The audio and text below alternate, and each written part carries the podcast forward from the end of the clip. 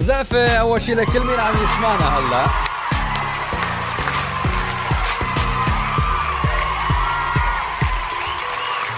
السؤال يلي كل الصحف كانت عم تحكي فيه وكل النشرات الرياضية عم تحكي فيه إنه ما الذي فعله زين الدين زيدان بريال مدريد؟ غالبا أو فينا نقول نفس التشكيلة نفس اللاعبين نفس التوليفة تبع السنة الماضية يلي كانت تظهر بأداء متذبذب تظهر باداء بأداء ضعيف جدا جدا. نفس التشكيلة تقريبا. بداية من الحارس وصولا إلى بنزيما مع تغيير وحيد هو فالفيردي يلي صار مش يعني شغلة مش غريبة لما بنشوف man of the match أو صار يسموه هلأ king of the match هو فالفيردي لاعب ريال مدريد الاوروغوياني الشاب الصغير. فشو اللي عمله؟ عن جد لما نفكر فيها شو اللي عمله زين الدين زيدان بالفريق؟ أول شغلة بنلاحظها إنه زيدان عطى الثقه لكل اللاعبين.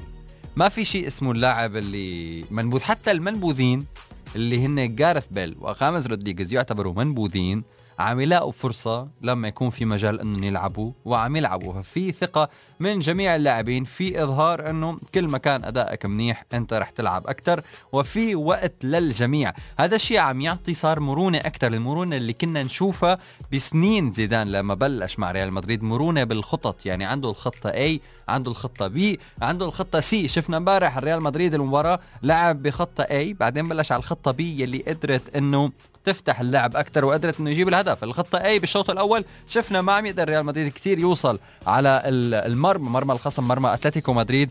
ف عرف زين الدين زيدان عمل نظرته التدريبية إذا فينا نقول نظرة كروية وعمل تبديلين مبكرين فاسكيز وفينيسيوس جونيور. غيروا الخطة كلها. غيروا اللعب كله. 180 درجة رسميا وهن كانوا سبب الهدف. الهدف اللي اجى من فينيسيوس جونيور إلى مندي إلى كريم بنزيما وقدروا أنهم يكسروا عقدة عمرها سبع سنين أنهم ما يربحوا على أتلتيكو بأرضهم وبين جماهيرهم. رقم ثاني حطموا ريال مدريد. ريال مدريد أول مرة بحياته. ريال مدريد تخيلوا معي ريال مدريد لأول مرة بحياته بعد 22 جولة بيكون داخل مرماه. 13 هدفا فقط. يعني دفاع أقوى دفاع على مر تاريخ ريال مدريد بعد مرور 22 جولة فرقم جديد كمان آه، يصب في مصلحة زيدان وزيدان. وريال مدريد يحلقون ويثبتون يعني مثبتين حالهم بالصدارة بشكل كتير قوي بفارق مريح آه، مبدئيا إذا فينا نقول عن برشلونة. ثلاث نقاط إنه شو ما صار بمباراة اليوم؟ فرح يضلوا هن مركز أول. فريال مدريد أنا من أول الموسم قلت إنه ريال مدريد بخير. وبيبين بيبين الفريق بيبين من الأداء إذا ريال مدريد بخير ولا لا. فمبدئيا ريال مدريد بخير وبخير كتير واللي جاي غالبا أحلى. برشلونة اليوم مع ليفانتي الساعة 12 بالليل. ما فينا نحكم أنا برأيي على هالمباراة. نحن بانتظار المباريات اللي رح تكون خارج القواعد لحتى نشوف المدرب الجديد. أتوقع كل مشجعين برشلونة بوافقوني الرأي. يعني صعب نحكم اليوم لما تلعب مع ليفانتي بالكامب نو.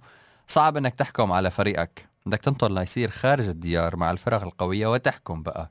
هل برشلونة بلش بالتحسن ولا بعد؟ بس معذورين مع المدرب الجديد صح ولا لا؟